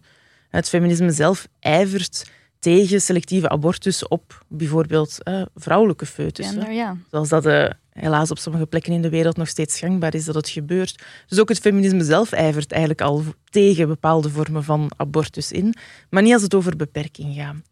En ik vind dat zelf heel moeilijk en ik vind daarom ook schoon dat deze brief hier ligt, omdat het alles in al zijn complexiteit laat zien. Ik heb niet zoiets van, dat moet dan niet kunnen en die tests moeten allemaal afgeschaft worden. Het is absoluut geen zwart-wit discussie, maar ik vind wel dat we de vraag moeten beginnen stellen van hoe Ja. komt het dat we het zo vanzelfsprekend vinden dat beperkt leven selectief geaborteerd mag worden. En wat vertelt dat aan, aan mij en andere mensen met een beperking, dat er een soort keuze, een afweging gemaakt wordt die bij andere kinderen, bij andere foetussen niet gemaakt wordt. ja. Ja, en want eh, je zei het net al, ehm, eh, eh, als er uitkomt uit zo'n test dat dat kindje ehm, de handicap heeft die jij hebt, dan is dat genoeg, dat zou genoeg zijn om een, om een kindje te mogen, te kunnen aborteren? Ja, allee, aborteren mag natuurlijk sowieso, maar eh, ik weet niet precies hoe de, hoe de regelgeving in Nederland in elkaar zit, moet In ik België, eerlijk zeggen. ja. Ehm, dus daar kan ik mij in vergissen. Maar in België mag je foetussen waarbij een, wat dan een majeure misvorming genoemd wordt, maar er is eigenlijk geen definitie van wat een majeure misvorming is. Dus daar, daar, de arts en de ouders beslissen daar gezamenlijk over, waardoor een handicap als de mijne ook als een majeure misvorming gezien kan worden. En dan mag je je kind aborteren na de wettelijke termijn voor abortus. Dus voor foetussen met een beperking is er eigenlijk een ongelimiteerde abortustermijn. Ehm, dus dat, allee, technisch gezien kan dat tot vlak voor de zwangerschap. Dat gebeurt natuurlijk eh, zo goed als nooit. Maar je hebt dus een heel andere wettelijke situatie dan Ja. bij andere foetussen. Dat is zo groot. Dat is zo groot. Ja. En dat is ook iets dat heel veel mensen zelfs niet weten. Als ik daarover vertelde, zeiden mensen van, ah, maar ja, tegen dat je die test doet, dan is de abortustermijn toch al voorbij eigenlijk. Zo, ja, maar die ligt voor foetussen met ja. een beperking ja, net, anders. net helemaal anders. Ja, en En wat ik zelf ook niet wist, waar, wat dan zeg maar soort van, ja, wanneer ben je dan, is het kindje dan gehandicapt genoeg of zo? Daar had ik zelf ook nooit over nagedacht. Nee. En als jij dan schrijft dat ook bijvoorbeeld een kindje met een haaslip, dat dat in België dan dus voorbij die termijn zou mogen. En dat er dan ook nog een gendered vlak overheen ligt eigenlijk van een meisje met een haaslip. Ja, dat vinden we dan zo eigenlijk zielig. Want ja, Dan voldoe je nooit aan de schoonheidsideaal. schoonheidsideaal. Ja. Ja, Ja, vandaar dat het natuurlijk ook al helemaal een feministische Ja. zaak is, omdat er ook gegenderde aspecten in zitten. Ja. het Ja, gaat niet alleen maar over vooroordelen tegenover handicaps. Er zitten ook klasseaspecten in, bijvoorbeeld, die erin meespelen. Ja, ja, want jij schrijft ook dat de, de, de, de rijke witte, in de VS, rijke witte mensen de neiging, eerder de neiging hebben om een kindje te laten aborteren, eh, omdat het dan niet in het toekomstbeeld past Ja. eigenlijk. Terwijl je net zou kunnen zeggen, dat zijn de mensen die meer sociaal en Ja. financieel kapitaal hebben om inderdaad bijvoorbeeld zorg in te huren of eh, ondersteuning te zorgen. Zijn zij net meer geneigd om toch een abortus toe te passen, omdat het inderdaad niet in het, eh, in het zelfbeeld van die klasse past om een Ja. kind met een beperking te hebben, waarin dat fitte lichaam of die fitte geest toch een soort uithangsbord is van, Status, ja, van onze status, van wie we zijn. ja. En dat, gender speelt daar ook een rol in. Dat is eigenlijk een, een onderzoek dat ik beschrijf in het boek, waarbij dat er een filosoof specifiek is gaan kijken naar wat zij kleine beperkingen noemt. Ik vind zo dat onderscheid tussen lichte en zware beperkingen altijd moeilijk. Ehm, activisten met een beperking waarschuwen daar ook een beetje voor, van dat zo heel tijd te benadrukken, omdat je dan mensen met een zware beperking eigenlijk heel tijd aan de kant schuift. Van, dat je dan eigenlijk de hele tijd zegt van, oh, maar dat is wel oké. dat, is, wel- dat is met zo'n Ja. erge beperking Ja, als die nee, van jou is het logisch ja. dat jij er niet bij houdt, maar ik met mijn lichte beperking, ja, mij wil je toch wel in de samenleving hebben. Heel solid point. Om Dus eh, daar moet je een beetje mee oppassen. Maar in dat gedachte-experiment vind ik het wel interessant, omdat die eh, filosofen het doet om eigenlijk het soort eh, denkbeelden dat we meestal neerzetten om te beargumenteren waarom wil je een foetus met een beperking niet ter wereld laten komen. Namelijk, ja, dat kind zal misschien een heel moeilijk leven hebben, zal mindere levenskwaliteit hebben, zal pijn lijden, de ouders zullen het moeilijk hebben, pijn lijden. Ja, dat geldt eigenlijk allemaal niet bij zo'n heel lichte beperking. Je hebt geen pijn, je hebt geen aftakeling, je hebt geen chronische ziekte. De ouders moeten niet allerlei extra zorg inschakelen. En zij wil gaan onderzoeken van ja, wat zijn de argumenten dan? Als die typische argumenten eigenlijk niet van toepassing zijn, wat zijn de argumenten dan? En dan merkten ze dus dat daar ontzettend gegenderde argumenten bij komen Ja. kijken, waarbij zo'n lichte handicap bij een jongen eigenlijk veel minder speelt. Want dan is er toch het idee van, ja, god, die kan eh, nog altijd met zijn vrienden gaan voetballen met die hazenlip en later... eh, eh, Charmant ook misschien. ja, ehm, dat, is, dat is best wel beperkt wat daar de effecten, functionele effecten van zijn. En bij een meisje zijn die functionele effecten natuurlijk ook beperkt. Maar de cosmetische effecten zijn heel hoog. hè. Met, Ja. eh, met een korte arm of met een hazenlip zie je er anders uit. En dan blijkt toch de ouders heel erg wakker liggen van zal een meisje dan wel aan een partner geraken, zal ze wel van de straat geraken, zoals we zeggen in, eh, in het dialect in het Vlaams. Ehm, en dan merk je dus dat gender daar ook een grote rol in speelt. En dan denk je van ja, dit zou net feministen ook moeten aanbelangen. Ja, als je ja, merkt absoluut. dat dat daarin een rol Zeker. speelt. Maar het is ook zo, je leest dat ook in de, in de brief van Judith. Het is zo'n groot iets ook om, te, om op je schouders te hebben Ja. liggen als degene die dat kindje gaat baren en dus die beslissing moet nemen. Mhm. Dat is ook ongelooflijk groot. En ik wil in het boek ook helemaal niet individuele mensen met de vinger wijzen van goh, dat mag jij dan niet doen of dat is de verkeerde afweging. Omdat, allee, wat dat de onderzoekster Raina Rapp zo mooi noemt, ja, ouders zijn tot morele pioniers gebombardeerd. Ja. Hè, waar dat je vroeger een zwangerschapje overkwam en dan zag je wel welk kind eruit voortkwam. Ja. Ben je nu een soort moreel pionier die de macht in handen heeft gekregen om te beslissen welk soort mensen we in de samenleving willen en niet. En vaak op basis van welke informatie? Vraagteken. Want hoeveel mensen met een beperking ken je? Heb je enig inzicht van hoe Dat ook, die ja. leven?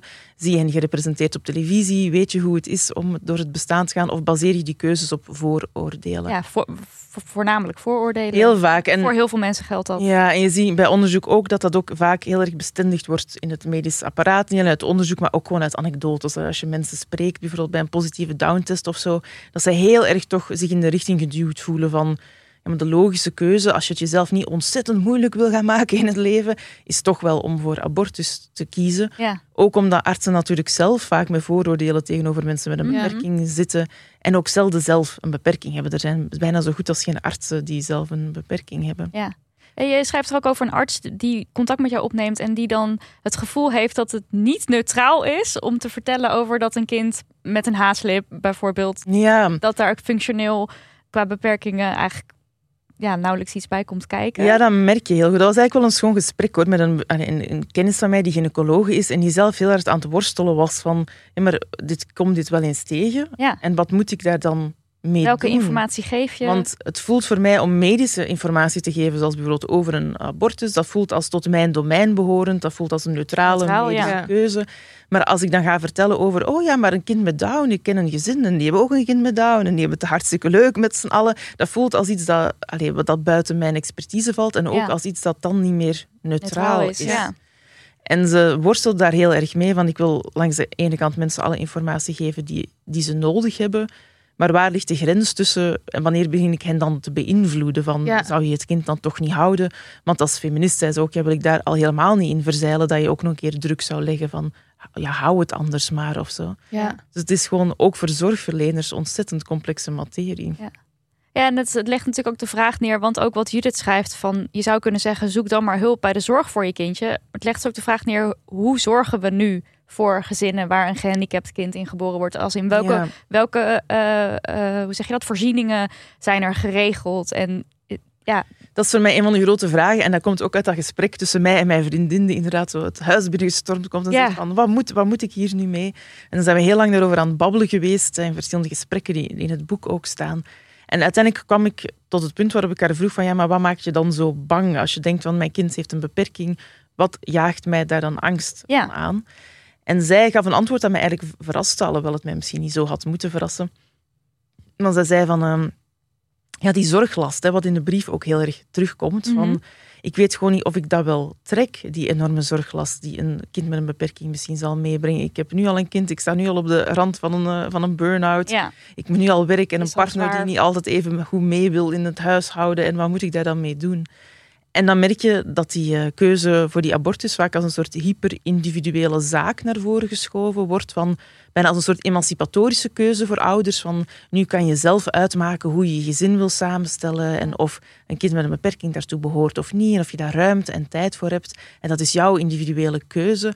Maar ja, dat is natuurlijk niet een heel hyper-individuele keuze. Want het is niet zo dat vriendin N denkt van er is geen wereld mogelijk waarin ik een kind met een beperking kan opvoeden en waarin dat, dat kind gelukkig is en waarin ik gelukkig ben. Het is dat ze vreest dat dat in deze wereld Ja. zeer moeilijk zal Ja. worden.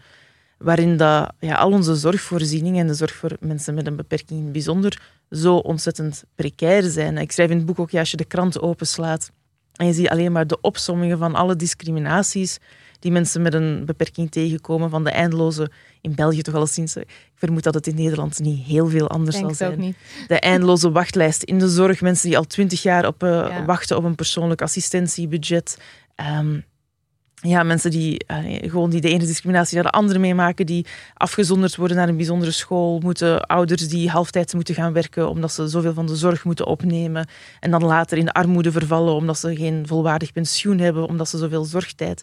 Dat zijn natuurlijk allemaal vreselijke dingen en Ja. ik snap dat je daar als ouder geen zin in hebt, maar dat is niet hoe dat de dingen hoeven te zijn. Dat, zijn, dat is eigenlijk een politieke conditie, geen Ja. conditie die eigen is aan het hebben van een handicap of het hebben van een kind met een handicap. Dus je zou eigenlijk daar ja, politieke verandering tegenover willen stellen. En het is natuurlijk ook een illusie om te denken dat je eh, als je een, een, een gezond aan te staan en zeker het kindje krijgt, dat je dan dus wel de toekomst kunt voorspellen. Want dan wordt het Ja. helemaal, allemaal, helemaal pais en vree en koek en ei. en, maar op het moment dat er dus een, eh, een handicap is of een beperking, dat, dat het dan alleen maar moeilijk wordt. Dat is natuurlijk ook een illusie. Dat is helemaal nonsens. Ik moet zeggen, ik, eh, het gesprek met N dat vond al een paar jaar geleden plaats. Het, eh, het zoontje van N, waar ze toen zwanger van was, is in tussentijd geboren, is al tussentijd een jaar of vijf. En dat is echt zo'n orkaan van een kind. Oh ja. Dat is zo echt zo'n soort kind dat je zo geen, geen minuut alleen kan laten. Of het heeft de kamer paars geschilderd en alle kippen vrijgelaten. En is dan ook nog in de boom bij de buren geklommen. Er is altijd iets aan de hand. Het is altijd totale chaos. En we zeggen wel eens lachend tegen elkaar van zo een heel braaf kindje met een handicap met wat extra zorg nodig. Zou dat misschien niet minder, Beters. minder werk geweest Ja. zijn dan deze jongen? Want Ja. ik weet niet of het meer werk zou zijn. ja. Dus ook dat is natuurlijk een soort illusie. Het zijn allemaal, Ja. inv- allemaal Ja, allemaal dat je dat leven kan bepalen, Die richting ja. opgeduwd, inderdaad. Ik vertel ook in het boek dat mijn ouders altijd heel bang waren dat ik gepest zou worden, omdat dat het narratief is dat je dan heel vaak krijgt van een kindje Ja. met een handicap zal dan gepest worden. En ik ben nooit gepest en mijn broer is heel veel gepest als Ja. kind en mijn broer heeft geen beperking. Dus die mate van voorspelbaarheid die ik ook snap. Allee, als ik zelf zwanger zou zijn, ik zou ook iets willen kunnen in hand houden van wat, wat is er te voorspellen eh, en, en wat kan ik controleren hieraan aan dat proces. Maar dat is er natuurlijk eigenlijk niet, dat weten we niet.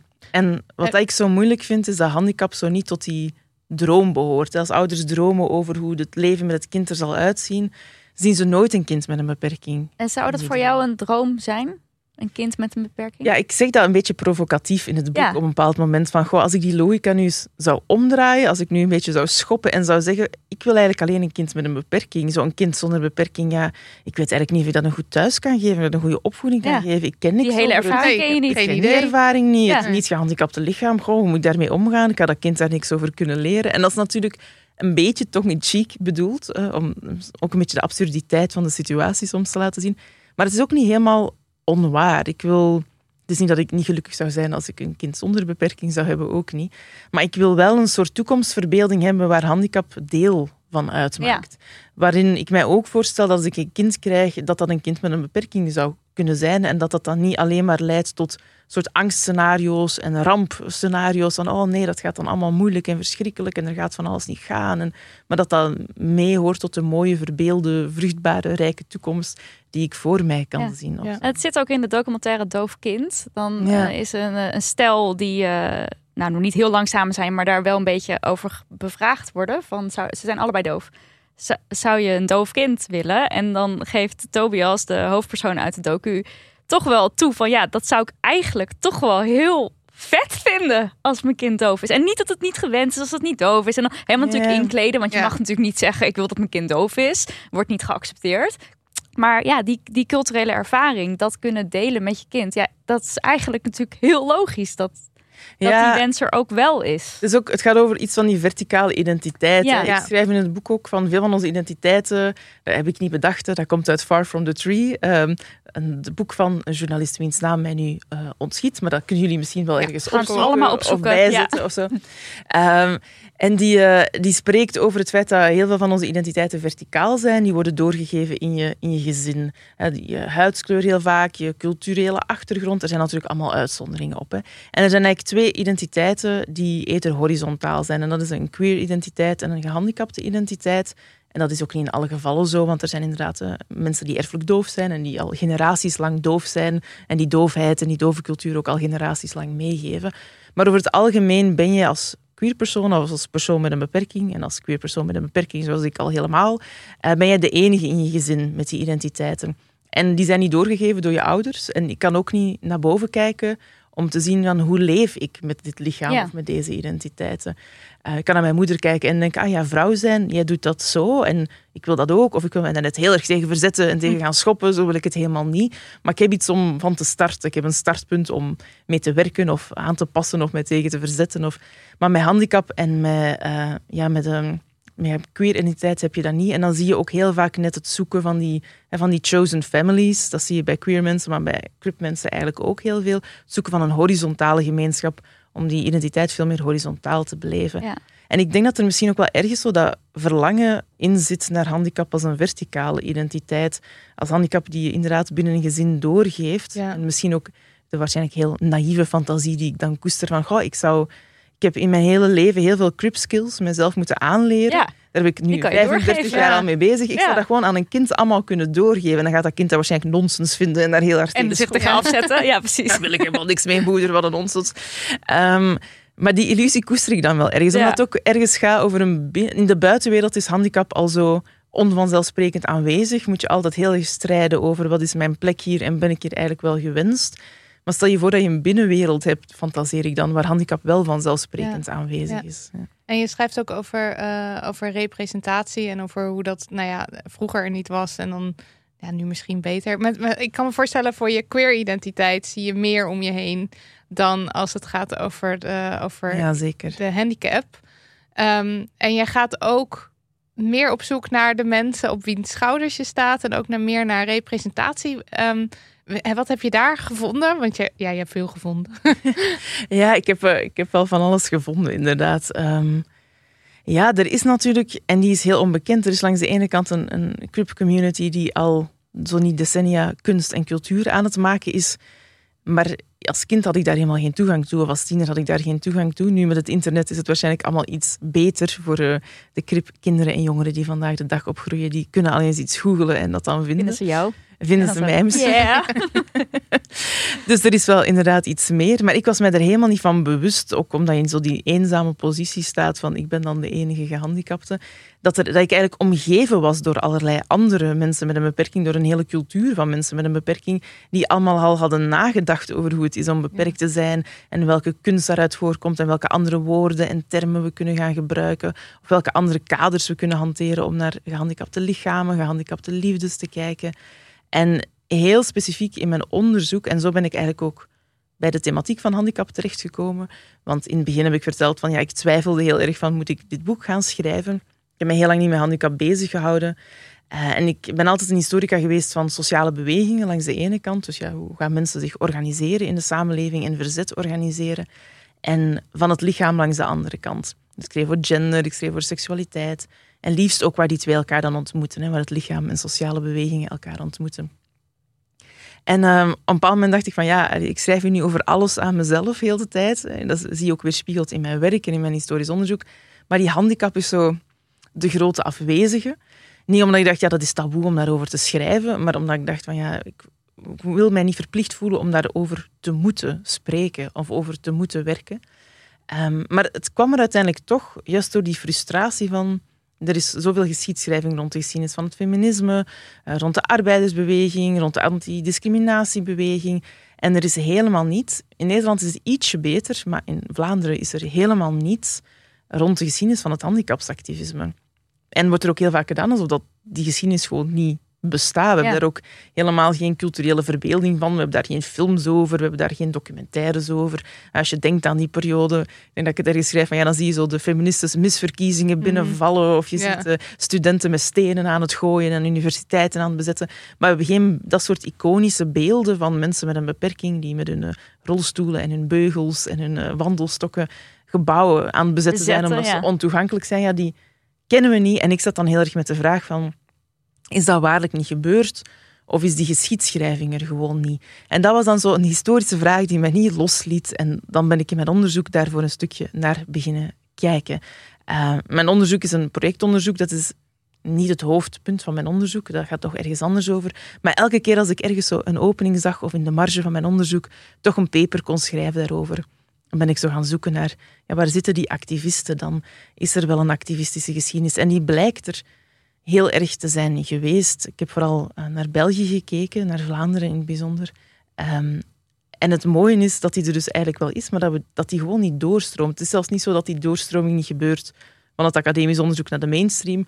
Het is er ook gewoon niet in het academisch onderzoek. En ik beschrijf in het boek ook mijn zoektocht in archieven. Ja. En dat ik heel vaak ook afgewezen word in allerlei archieven. Dat mm, archivarissen zoiets hebben van, goh, ja, maar handicap. Nee, dat, doen dat, daar doen wij niet Ja, aan. Wij doen hier politieke geschiedschrijving of sociale geschiedschrijving. Ja, handicap, dat vind je ergens, dat, dat moet je dan, eh, weet ik veel... Ja. Ja, dan moet je van een soort eh, instellingsbiografie van een zorginstelling schrijven of zo. Dus er was een soort heel... Ja, een soort ontkenning van archiefmateriaal dat er heel vaak wel was. Want ik zat dan heel vaak moeilijk te doen en nog twintig mails te sturen en dan toch naar het archief gaan. En ik vond altijd heel veel materiaal. In bijna elk archief kon ik materiaal vinden van handicapsorganisaties, maar ook eh, van hoe eh, instellingen in de, dan internationale instellingen zoals de VN, dat er een grote uitwisseling was tussen het Belgisch niveau en de VN rond het beginnen opstellen van de rechten van personen met een beperking, ook gevoed door Belgische handicapsorganisaties. Dus er gebeurde eigenlijk van alles. Zelfs ook in heel klassieke politieke geschiedschrijvingszin, wat totaal niet, nooit ergens te boek staat, waar niemand iets van weet en waar ik ook zelfs ook van andere historici heel veel teruggekaatst kreeg van ja, zou je dat wel doen? Want A, het bestaat niet. B, dit is echt niet goed voor je carrière. Je gaat jezelf in een of andere rare niche vastrijden waar je nooit nog verder mee kan. En B, ja, het is toch een beetje een therapeutisch projectje.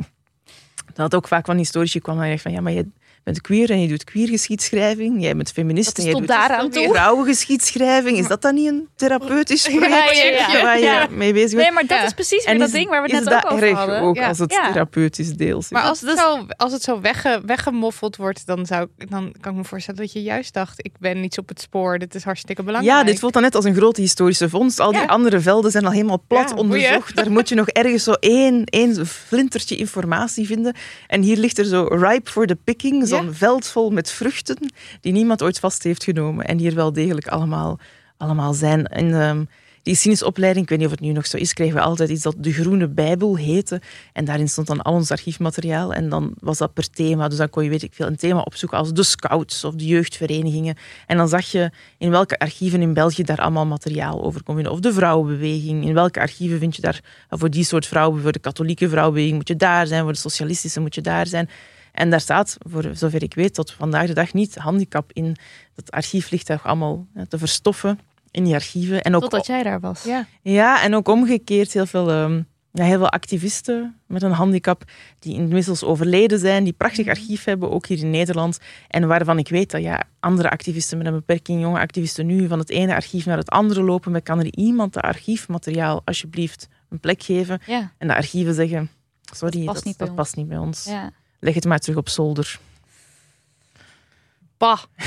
Hoop werk nog aan Ja. de winkel. Laten we eh, afsluiten met jouw eh, Utopia.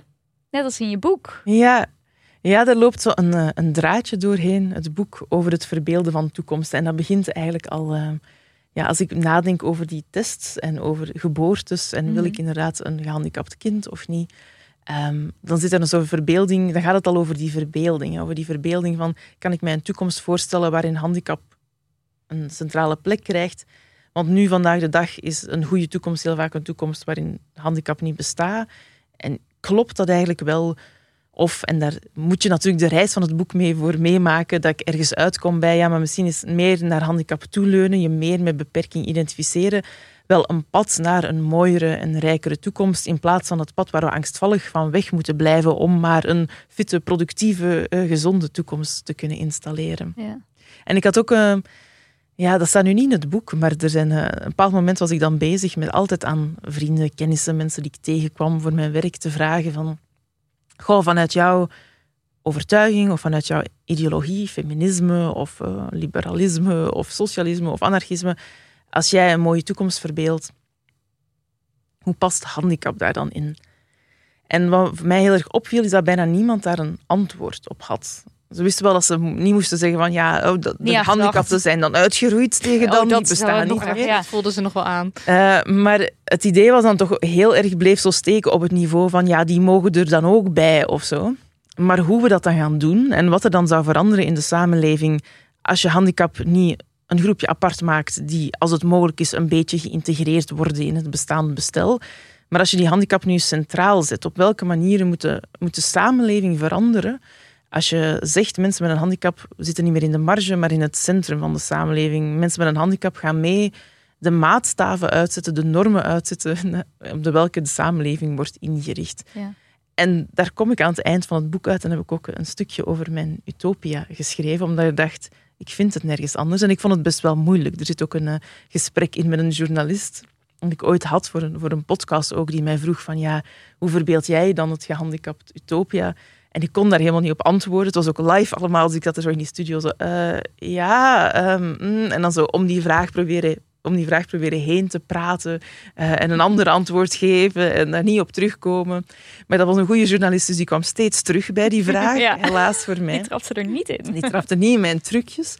Um, en ik dacht, verdomme, ja, ik kan daar eigenlijk niet goed antwoord op geven, ook omdat um, ik zoveel bezig ben en ook veel van het denken rond handicap zoveel bezig is met de opsomming van alle mogelijke discriminatie en ja, daartegen strijden, wat er allemaal mis is in een negatieve zin. En dat is superbelangrijk. Hè? En dat is ook heel veel wat er allemaal tegen gestreden moet worden. Dat ik dat niet in de positieve zin gekeerd krijg. En ik was ook heel erg bang om van het boek een soort zwart boek te maken waarin steeds herhaald wordt hoe erg het wel, allee, wat voor erge dingen je allemaal wel niet tegenkomt als je een handicap hebt omdat handicap zoveel meer is dan dat. Dat bestaat niet alleen in de negatieve zin.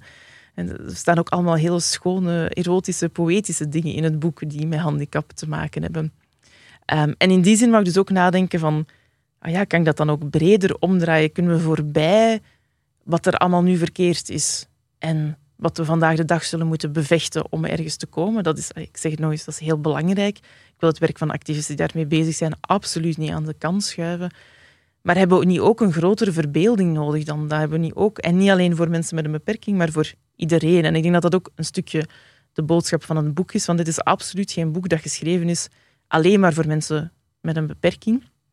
Het is ook geschreven voor mensen met een beperking. Vond ik ook heel belangrijk om hen tot een volwaardig publiek te maken. Want voor mij wordt er ook nooit geschreven. Dus ik mm. was blij dat, allee, dat er misschien eens voor mensen met een beperking geschreven werd. Maar ik wou het ook heel erg voor mensen zonder beperking schrijven. Niet zo per se om hen te onderwijzen over hoe ze dan met mensen met een beperking moeten omgaan, maar om hen te laten zien hoe nadenken over handicap voor hen ook zinvol kan zijn. Net om hen andere blik op de maatschappij en misschien ook een andere blik op een soort uh, utopia te kunnen geven. Ja, want ik denk, uh, nou, we hebben het in deze podcast heel vaak over de, nou ja, kapitalisme als wortel van mm al het kwaad, zeg maar. Maar wat jij doet in je utopia is eigenlijk dat, dat een, een ander beeld geven dan die kapitalistische samenleving waarin we constant moeten productief moeten zijn en door, door, door en meer, meer, meer.